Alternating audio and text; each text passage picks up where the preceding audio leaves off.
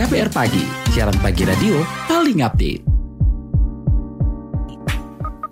KBR Pagi, siaran pagi radio paling update. Selamat pagi, apa kabar kalian semuanya di hari Rabu 3 Mei 2023? Seperti biasa, Don Brady menjadi teman pagi hari kalian semuanya di What's Trending KBR Pagi pastinya. Jadi di Hari Pendidikan Nasional 2 Mei 2023 kemarin, Menteri Pendidikan, Kebudayaan, Riset, dan Teknologi Nadiem Makarim mengklaim Indonesia sudah dekat dengan cita-citanya untuk menuntun bakat, minat, dan potensi peserta didik dengan merdeka belajar. Anak didik digadang-gadang sudah bisa tenang dengan pola pendidikan merdeka belajar. Itu karena aktivitas pembelajaran mereka dinilai secara lebih holistik oleh gurunya sendiri. Sementara guru-guru tidak lagi diikat dengan peraturan yang kaku dan lebih bebas berinovasi di kelas. Berdasarkan laman Direktorat Jenderal Guru dan Tenaga Kependidikan, kurikulum ini mampu menumbuhkan semangat belajar murid. Semangat belajar ini dipicu media pembelajaran yang lebih variatif dan murid tidak hanya belajar dengan mendengarkan gurunya. Selain itu, kata Menteri Nadiem, para mahasiswa yang dulu hanya belajar teori di dalam kelas, sekarang bisa melanglang buana mencari pengetahuan dan pengalaman di luar kampus dengan hadirnya program-program Kampus Merdeka.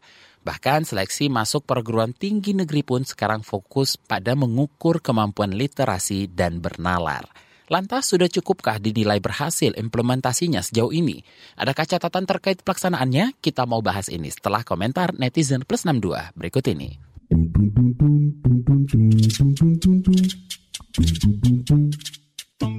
Pertama, Ed Jokowi, pendidikan adalah tanggung jawab bersama yang melibatkan keluarga, sekolah, pemerintah, dan masyarakat. Hanya dengan semangat kebersamaan, kerja keras, dan cerdas, kita dapat memajukan pendidikan untuk menyongsong dan mengelola Indonesia yang maju at Fajru XX. Apakah pembangunan ini itu sudah tepat sasaran? Padahal masih ada yang pergi bersekolah menyeberangi sungai, berjalan kaki, menyusuri kebun, hutan, atap sekolah yang bocor, bangku dan meja yang sudah rusak. Pendidikan itu penting katanya, cuma sebatas katanya. Kalau at ProXX, Indonesia terlalu sering ganti kurikulum masuk sekolah pakai K13 lulus kurikulum merdeka. Setiap ganti periode, presiden kurikulum juga ikut berubah. Berapa banyak itu uang yang dipakai buat bikin kurikulum? Guru mau ngajar aja harus belajar dulu kurikulum baru. Kan nggak efektif. At Sugi XX, Mat Hardiknas, semoga merdeka belajar beneran merdeka semua. Komponen pendidikan Hardiknas 2023. At Melek XX, Meski ada platform belajar mandiri secara daring, literasi digital bagi guru harus diprioritaskan agar platform Merdeka Mengajar itu bisa dimanfaatkan secara efektif at AniXX. Model pembelajaran yang dapat digunakan pada abad 21 adalah Project Based Learning (PJBL). Penerapan model tersebut memberikan merdeka belajar kepada peserta didik dalam berkreasi menghasilkan suatu karya. Bahan yang mudah ditemukan sangat efektif dan efisien untuk digunakan. Terakhir at XX. Selamat memperingati Hardiknas. Semoga ke depannya makin banyak dampak positif yang dirasakan dan pendidikan di Indonesia makin baik dan makin maju. Hashtag Hardiknas 2023.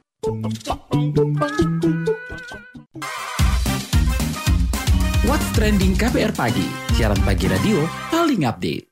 Kita lanjutkan obrolan kita pagi ini. Jadi Menteri Pendidikan, Kebudayaan Riset dan Teknologi Nadiem Makarim menyebut Merdeka Belajar mampu membuat anak-anak didik lebih tenang. Kenapa? Lantaran aktivitas pembelajaran mereka dinilai secara lebih holistik oleh gurunya sendiri. Kata Nadim, kepala sekolah juga terlibat memonitor kualitas pendidikan dengan data asesmen nasional di platform rapot pendidikan.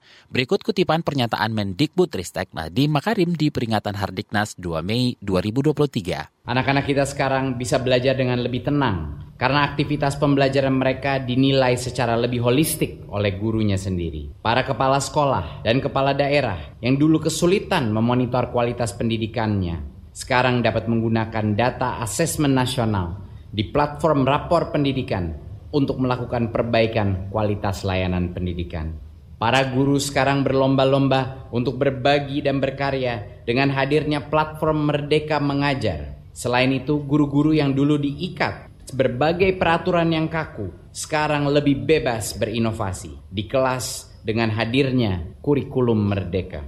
Sejalan dengan kurikulum merdeka yang menekankan pembelajaran mendalam untuk mengembangkan karakter dan kompetensi. Seleksi masuk perguruan tinggi negeri pun sekarang fokus pada mengukur kemampuan literasi dan bernalar. Pada jenjang perguruan tinggi, adik-adik mahasiswa yang dulu hanya belajar teori dalam kelas, sekarang bisa melanglang buana mencari pengetahuan dan pengalaman di luar kampus dengan hadirnya program-program Kampus Merdeka. Dari segi pendanaan, pencairan langsung dana bantuan operasional sekolah atau BOS dan bantuan operasional pendidikan ke sekolah dan pemanfaatan yang lebih fleksibel telah memberikan keleluasaan bagi sekolah untuk meningkatkan kualitas pembelajaran. Dengan perluasan program beasiswa, kesempatan untuk melanjutkan pendidikan ke jenjang perguruan tinggi sekarang jauh lebih terbuka. Dukungan dana padanan untuk mendanai riset juga telah melahirkan begitu banyak inovasi yang bermula dari kolaborasi. Selain itu, mekanisme dana Indonesiana yang fleksibel dapat mewadahi gagasan-gagasan kreatif para seniman dan pelaku budaya sehingga mampu menghasilkan karya-karya hebat yang mendukung pemajuan kebudayaan kita. Saudara-saudariku, mari kita ingat bahwa bersama-sama kita telah membuat sejarah baru dengan gerakan Merdeka Belajar. Transformasi yang masif ini sepatutnya dirayakan dengan penuh syukur dan semarak karena semuanya adalah hasil dari kerja keras dan kerjasama kita. Nah, kepada KBR Wakil Ketua Komisi 10 DPR RI Dede Yusuf Macan Effendi mengungkapkan sejumlah catatan terkait dunia pendidikan dan kurikulum merdeka. Kita dengarkan penuturannya. Pendidikan pun juga sudah harus mengadopsi MOCS, jadi seperti kayak pembelajaran jarak jauh. Karena pembelajaran jarak jauh ini akan menghilangkan menghilangkan beban infrastruktur, lalu kemudian menghilangkan beban guru harus banyak karena semua bisa dijangkau dengan sistem pembelajaran jarak jauh tadi. Tetapi tentunya yang harus disiapkan adalah satu sarana prasarana. Setiap anak harus memiliki gadget tentunya. Lalu kedua harus didampingi oleh orang tua. Berarti harus ada kerjasama dengan orang tua. Lalu yang ketiga gurunya tidak gaptek dan yang keempat tentunya adalah ya apa namanya telekomunikasinya lancar. Ini kan semua bukan berada di Kemendikbud, ada di berbagai stakeholder lainnya seperti Kominfo dan lain-lain. Nah, inilah yang tadi saya katakan, bagaimana kita mau mengejar ketertinggalan, maka dalam kurikulum merdeka atau mereka belajar ini harus ada tiga klaster. Klaster pertama untuk mereka yang siap secara sarpras dan infrastruktur, yaitu adalah klaster A. Itu biasanya daerah kota-kota besar, daerah-daerah yang mudah dijangkau dalam uh, bentuk sarana online, digital. Banyak sekolah swasta juga sudah melakukan itu. Yang, yang kedua adalah klaster B, yaitu mereka yang berada di wilayah kabupaten kota yang boleh dikatakan sebagian mungkin banyak desanya. Dan klaster C, klaster C itu adalah mereka yang seperti 3T, daerah yang jauh tidak. Nah ini tidak bisa juga dipaksakan harus mengikuti namanya kurikulum merdeka karena tetap harus konvensional. Salah satunya adalah faktor keterbatasan. Nah, mindset pendidikan pun saat ini adalah mindsetnya harus pendidikan itu harus mudah, tidak mahal dan menyenangkan. Ya, sebenarnya kalau tidak mahal itu saya bilang murah, takutnya dianggap uh, mana ada pendidikan yang murah. Betul, tetapi tidak mahal. Itu yang yang harus kita konsep itu yang harus kita kejar. Mudah, tidak mahal dan menyenangkan. Menyenangkan buat siapa? Ya buat siswa, buat guru yang mengajar. Jadi tidak terbebankan oleh berbagai jenis mata pelajaran yang sebetulnya tidak penting juga untuk nantinya ketika si anak mengarungi dunia kehidupan nyata. Kenapa? Karena anak-anak zaman sekarang lebih mudah mendapatkan informasi melalui platform-platform media sosial ataupun yang lainnya. Jadi nggak perlu semuanya harus dicekokin pada saat belajar. Nah, transformasi inilah yang kemudian menjadi catatan penting bagi kami di Komisi 10. Mampukah pemerintah melakukan transformasi agar sumber daya manusia kita nanti memiliki etos kerja, memiliki kualitas dan produktivitas ketika memasuki dunia kerja. What's Trending KPR Pagi, siaran pagi radio paling update.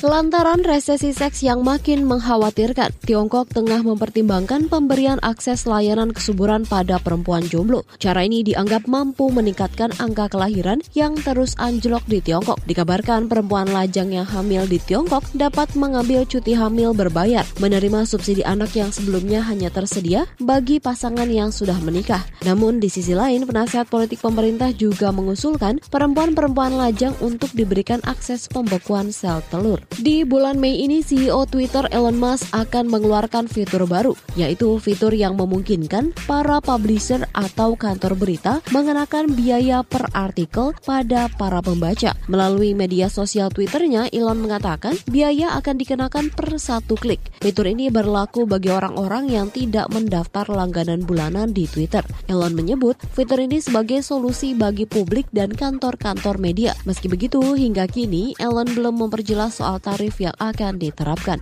Film dari Ayu dan Park Seo Joon berhasil memuncaki box office Korea Selatan setelah dirilis pada 26 April 2023. Berdasarkan informasi dari Dewan Film Indonesia, Dream mampu mengumpulkan 93.420 penonton di hari pertama penayangannya. Film komedi ini mengisahkan Yoon Hong Dae yang diperankan Park Seo Joon, seorang pemain sepak bola yang mengalami krisis besar dan berhasil melatih para tunawisma bermain bola. Sedangkan Ayu memerankan sutradara yang mendokumentasi film soal perjuangan para pemain di Piala Dunia Tunawisma.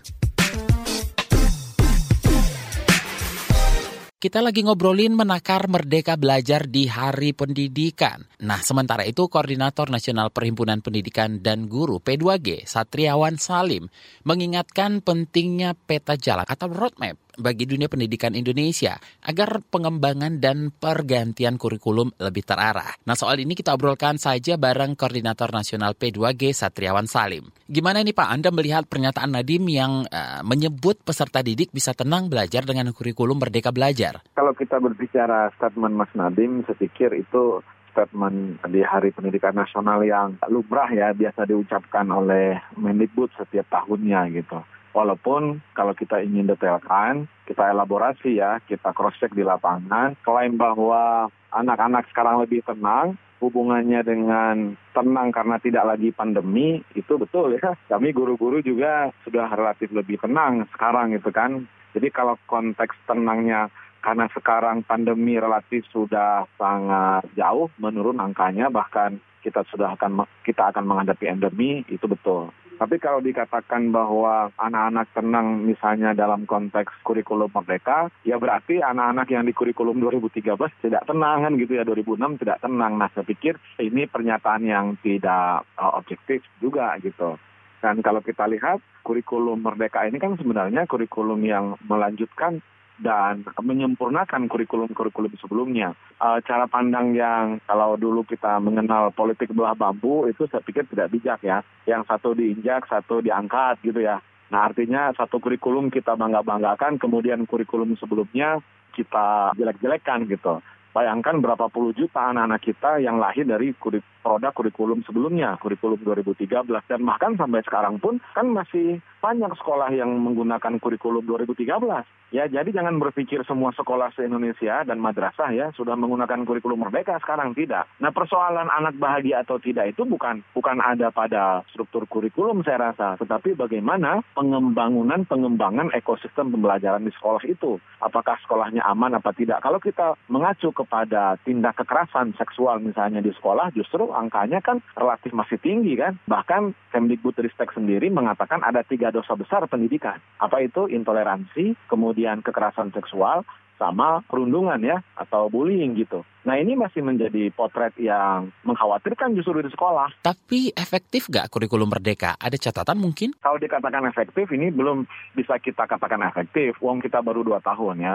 Saya sendiri termasuk yang menggunakan kurikulum merdeka. Kalau kita pahami kurikulum merdeka, kurikulum 2013 ini sebenarnya tidak jauh berbeda ya. Penekanannya kepada anak misalnya, kemudian ada kontekstualisasi kurikulum, pengembangan kurikulum di, di sekolah berdasarkan konteks daerah, berdasarkan kebutuhan murid gitu. Nah, cuman kan persoalan di kita ini kurikulum apa pun dia, persoalannya ada pada satu ya paradigma guru, mindset guru. kemudian kurikulum mereka yang berpihak kepada anak dan seterusnya, memerdekakan guru. Tetapi sekarang saya lihat walaupun semangatnya memerdekakan guru, ya secara administrasi yang dikritik dari implementasi kurikulum 2013 kan begitu, guru guru merasa ya kan mereka itu dibebani oleh perangkat pembelajaran atau administrasi pembelajaran yang banyak. Kalau sekarang ya memang kita uh, relatif diberikan kemerdekaan dalam membuat perangkat pembelajaran administrasi, tetapi kita dibebani hal yang baru sekarang yaitu oleh aplikasi.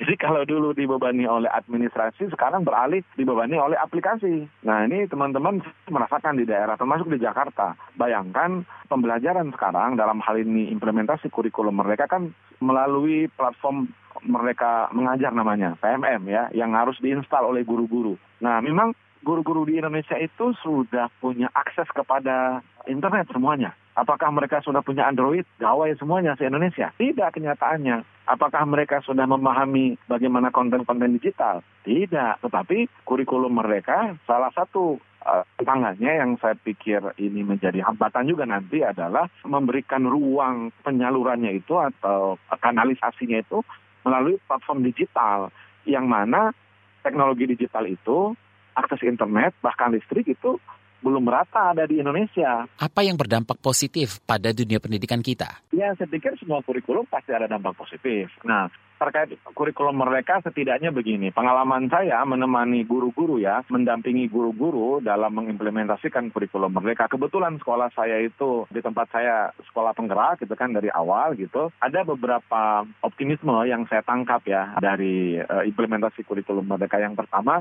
mindset guru kita. Nah, memang sudah ada yang mulai berubah. Walaupun ini agak susah. Mindset apa? Kalau dulu kan e, bergantung semua kepada Kemdikbudristek. Misalnya kalau kita berbicara learning outcome tadi yang sifatnya, kalau dulu sifatnya itu sangat detail. ya. Jadi guru-guru memang harus mengacu ya, merujuk kepada kompetensi dasar yang sudah ditetapkan secara terpusat oleh Kemdikbud. Nah, kalau sekarang kompetensi dasarnya itu yang kita sebut learning outcome-nya itu pemerintah dalam hal ini Kemdikbudristek membuat secara gelondongan kira-kira begitulah bahasanya. Ya jadi tidak didetailkan gitu. Nah nanti tugas sekolah, tugas guru lah yang mengelaborasi, mendetailkan, bahkan mengembangkan sesuai dengan kondisi daerah, sesuai dengan kebutuhan peserta didik, sesuai dengan ekosistem sekolahnya gitu, sesuai dengan sumber daya sekolahnya. Sehingga ruang-ruang bagi penganekaragaman atau ruang-ruang bagi tumbuh kembangnya diversifikasi kurikulum yang lebih kontekstual, yang lebih sesuai dengan kebutuhan anak itu makin terbuka memang sekarang. Potensinya bagaimana untuk terus dilanjutkan? Saya sih optimis-optimis saja ya. Kalau ada yang mengatakan ganti Pameo ya, ganti menteri, ganti kurikulum, tidak sepenuhnya benar juga. Kalau kita lihat di menteri sebelumnya, zaman Pak Muhajir kan, menggantikan Pak Anies kan tidak ada pergantian kurikulum kan. Kurikulumnya tetap kurikulum 2013. Sebelum Pak Muhajir sebagai menteri yaitu Pak Anies, Pak Anies juga tidak mengganti kurikulum 2013.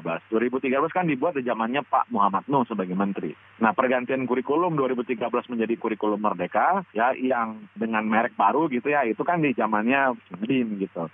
Artinya adalah meskipun tahun depan tahun pilpres gitu ya pergantian pemerintahan kita mungkin juga termasuk menteri pendidikannya saya rasa tidak akan langsung mengganti kurikulum begitu saja ya kan terbukti presiden yang sudah-sudah gitu ya, bukti yang sudah-sudah terjadi tidak langsung mengganti kurikulum gitu. Nah, bahwa akan ada perbaikan-perbaikan sisi-sisi yang bolong, yang kurang baik dalam konsep ya, dalam paradigmanya, dalam desainnya, dalam kebijakan sampai dalam implementasi, ya itu pasti akan selalu terjadi ya, uh, kurikulum apa pun gitu. Rekomendasi Anda terhadap sistem pendidikan di Indonesia untuk saat ini dan ke depannya terkhusus kurikulumnya ya. Ini apakah bongkar pasang kurikulum eh, jadi satu-satunya andalan untuk pembenahan pendidikan? Kita harus punya grand design, kita harus punya cetak biru eh, sehingga nanti ya rezim misalnya, rezim pemerintahan sebutlah gitu kan, presidennya siapa nanti, ya mereka nanti membuat sesuatu yang seolah-olah baru lagi gitu kan memang baru atau jangan-jangan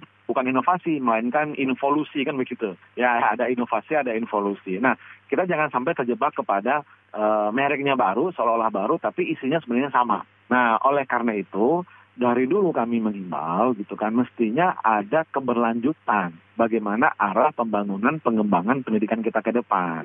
Kalau saya refleksikan ya gitu ini seolah-olah ganti apa namanya pemerintahan bukan menteri ya tapi ini rezim pemerintahan itu ganti ganti arah gitu kan atau ganti oh, prioritas atau fokus gitu. Jadi ada keterputusan yang kami lihat gitu kan ya di masing-masing uh, rezim itu. Jadi kita tidak memiliki bagaimana sih mimpi membangun pendidikan Indonesia, kualitas guru, kompetensi guru, kesejahteraan guru gitu ya. Indonesia ini misalnya uh, 30 tahun ke depan gitu. Atau misalnya 50 tahun ke depan gitu. Kita nggak punya itu sayangnya. Nah ini rekomendasi kami. Sehingga kita sebenarnya membutuhkan yang namanya roadmap itu atau peta jalan pendidikan Indonesia atau peta jalan pendidikan nasional gitu. Sebenarnya ini sudah diinisiasi oleh Kemdikbudristek 2020 kemarin, tetapi sampai sekarang mati suri. Ya nggak ada yang tahu-tahu muncul RUU Sesidiknas gitu kan. Terima kasih, Koordinator Nasional P2G Satriawan Salim.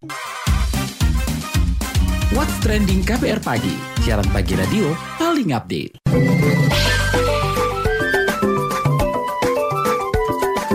WhatsApp Indonesia.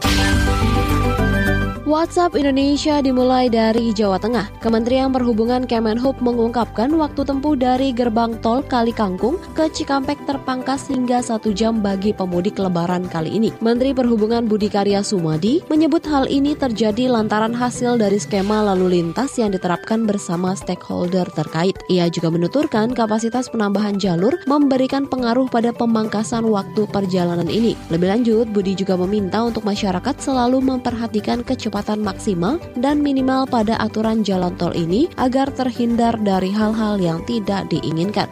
Selanjutnya menuju Jakarta, Presiden Joko Widodo menyatakan bakal terus mengundang para investor ke tanah air untuk memperluas lapangan kerja. Kata Jokowi, pemerintah berusaha untuk mengundang investasi dari dalam dan luar negeri untuk menambah kesempatan kerja, mengurangi pengangguran serta meningkatkan kesejahteraan buruh dan tenaga kerja. Jokowi mengeklaim bahwa pemerintah terus berupaya upaya meningkatkan kualitas sumber daya manusia SDM, salah satunya melalui kartu prakerja. Kata dia, upskilling dan reskilling buruh dan tenaga kerja harus dilakukan melalui program prakerja, serta melalui balai latihan kerja yang dilakukan oleh pemerintah, masyarakat, dan industri. Menurutnya, momentum Hari Buruh Internasional atau May Day harus dimanfaatkan untuk terus memperluas kesempatan kerja, meningkatkan kesejahteraan buruh dan pekerja, melindungi hak buruh dan pekerja, serta produktivitas dan daya saing nasional.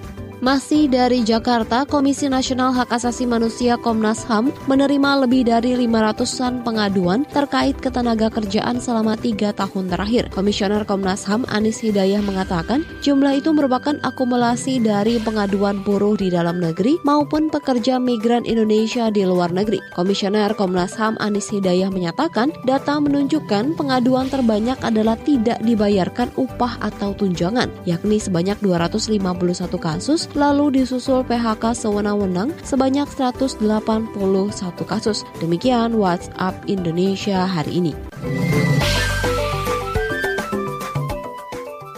Terima kasih sudah mendengarkan What's Trending KBR Pagi. Jangan lupa terus dengarkan podcast What's Trending di kbrprime.id dan di aplikasi mendengarkan podcast lainnya.